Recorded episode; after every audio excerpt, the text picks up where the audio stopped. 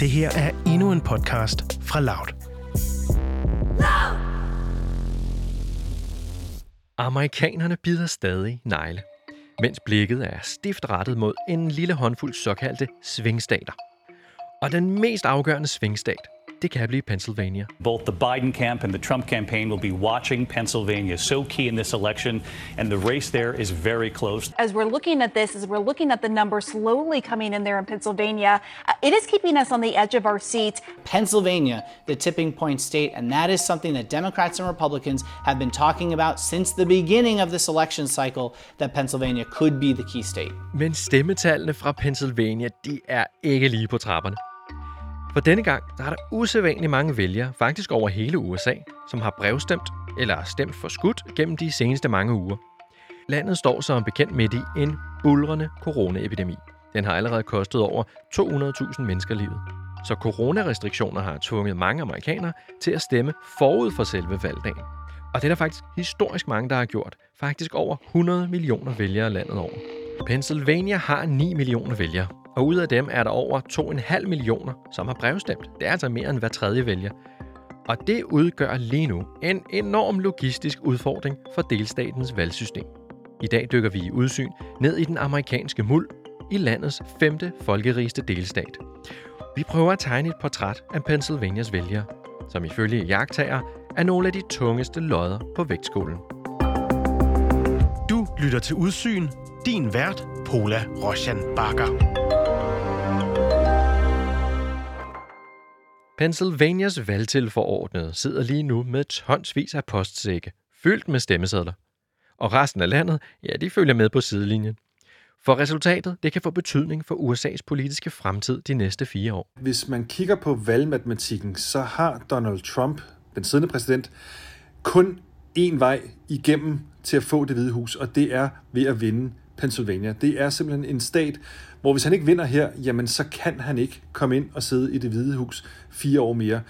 Matematikken for Biden ser også svær ud udenom øh, Pennsylvania, men den er lige akkurat mulig. Men hvis man skal pege på en stat af de mange svingstater, som vi har ved det her valg, som er den allermest afgørende, jamen så ender matematikken hver eneste gang tilbage på Pennsylvania. Det her det er Jesper Sølk, han er journalist og USA-kender, og lige nu der følger han valgdramaet fra Pennsylvanias største by, Philadelphia. Men trods det højspændte politiske klima, så er udfordringerne i Pennsylvania lige nu anderledes lavpraktiske, altså helt lavpraktiske.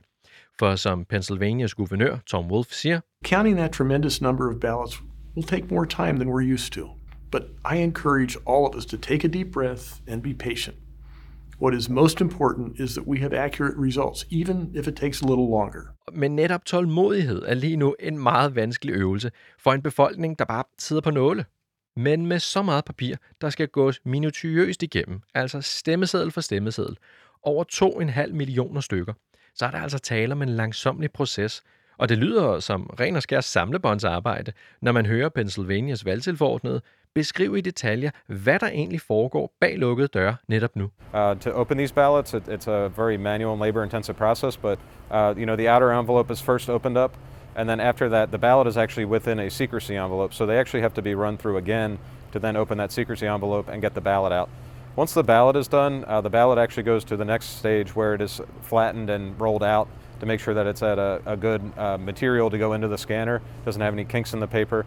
And then the envelope that has the, the voter declaration and signature on it is provided to another team to just make sure again that it's signed, that the signature and the information on the voter declaration matches the voter records. Men en ting er det praktiske. Det vigtigste, det er jo det politiske. Så hvad er det for en konkret virkelighed, som de her mange kuverter gemmer på? Hvad har fået millioner af borgere i Pennsylvania til at stemme, som de har gjort? Lad os vende mikrofonen mod Philadelphia og til Jesper Sølk. Hvordan vil du beskrive stemningen sådan i Pennsylvania i den tid, du har været der? Jeg synes, det er anspændt her. Øh, det er et, øh, en stat, det er også et land præget af en, øh, en, en enorm splittelse, hvor man kan sige, at øh, den coronapandemi, som har har været her i USA, og som jo stadig haver, og som, som langt fra er overstået, det har kun taget det her splittede land og revet det endnu længere fra hinanden.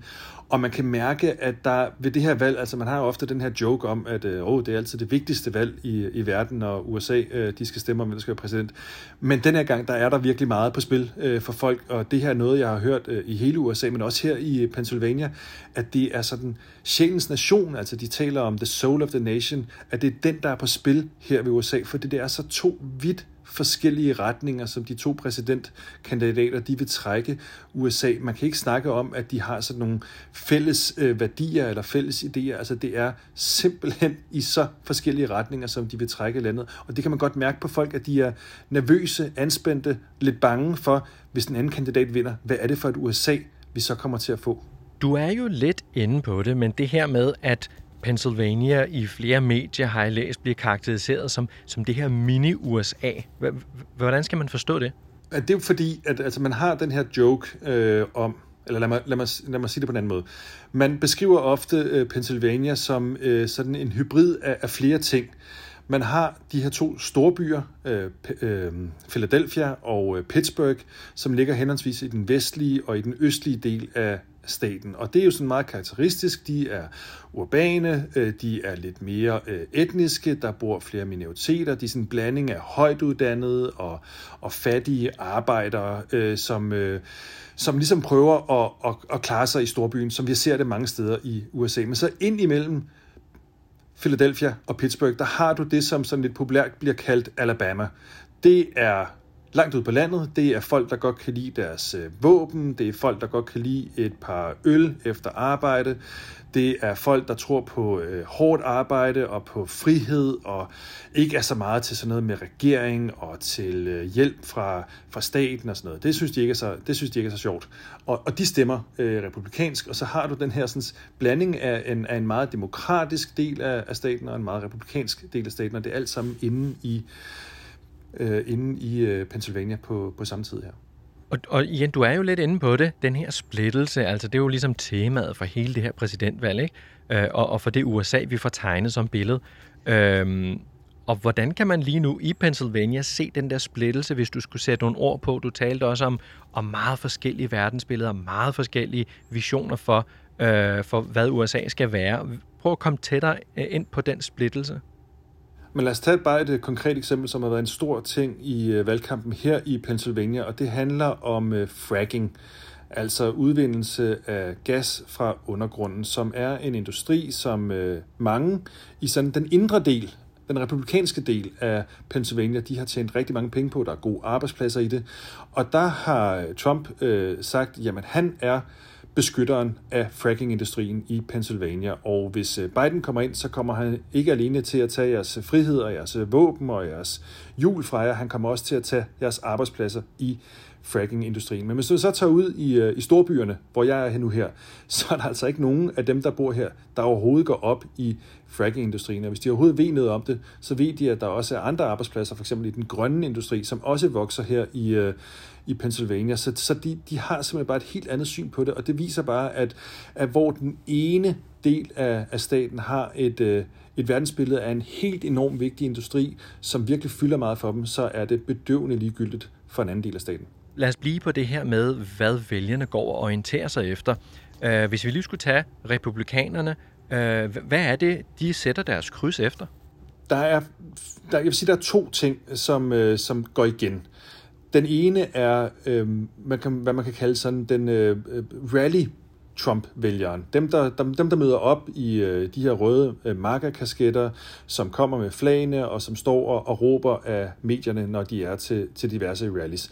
De kan godt lide Trumps øh, retorik, de kan godt lide hans person, de kan godt lide, at øh, det er en mand, der ligesom gør op med hele det etablerede system, om det så er medierne, eller om det er Washington-politikerne, øh, eller hvad vi ikke har de kan simpelthen godt lide det. Altså, de vil tage øh, en eller anden kendt studievært fra CNN, og så vil de smide ham ned i en grøft med krokodiller, hvis de kunne. Nu kan de ikke få det, så derfor så har de Trump, som, som gør det retorisk. Det er sådan den ene gruppe af, af vælgere. Men en endnu større øh, gruppe af, af vælgere, og det gælder både her i Pennsylvania, men også i resten af USA, det er dem, som, øh, som stemmer på øh, Trump på grund af noget politik, som ikke har noget med hans personlighed at gøre, og det er specielt den økonomiske politik.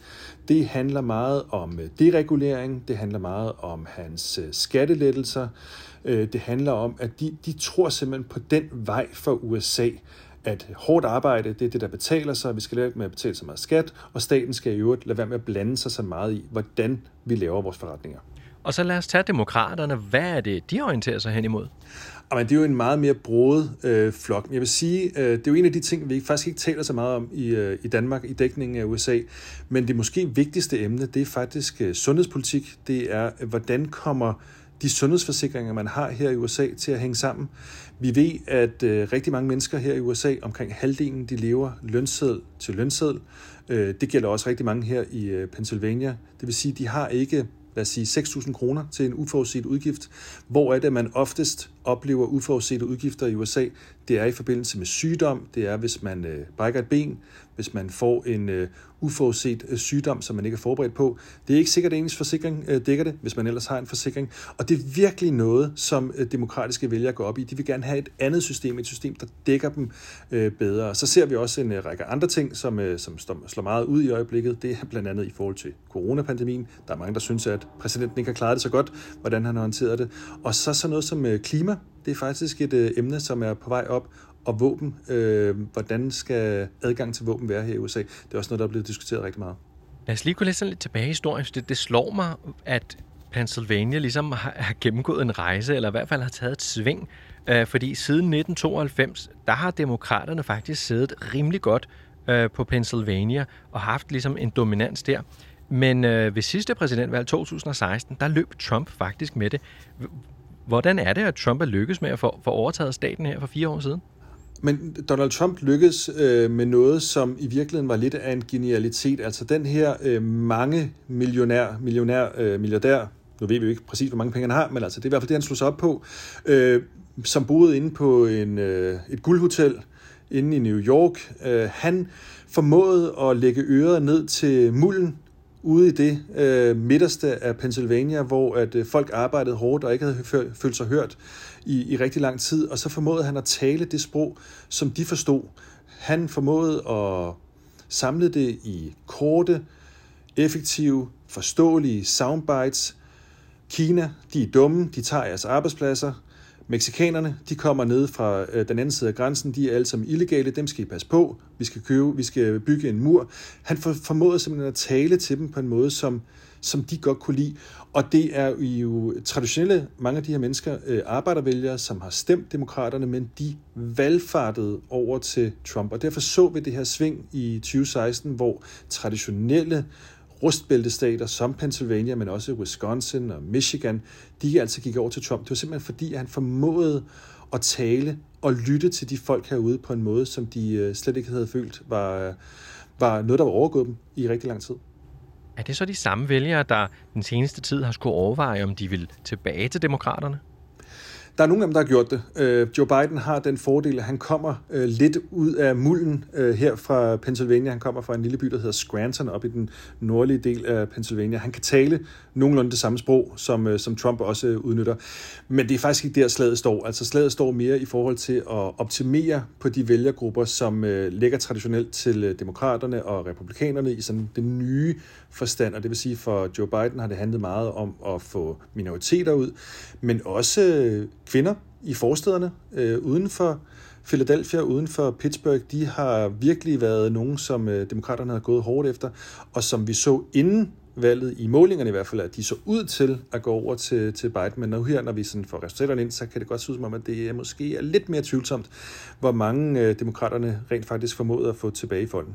Og du får det spørgsmål, som er lige så ubarmhjertigt, som det er forventeligt. Uh, giv mig et bud. Hvad, hvad ender det med i Pennsylvania?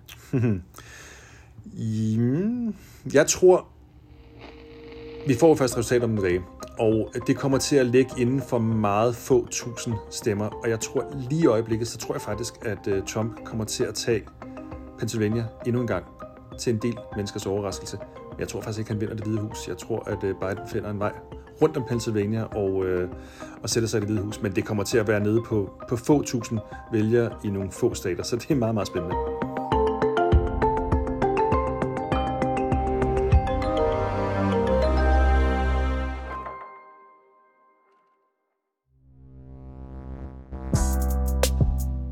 Det her var en aktuel podcast fra Loud.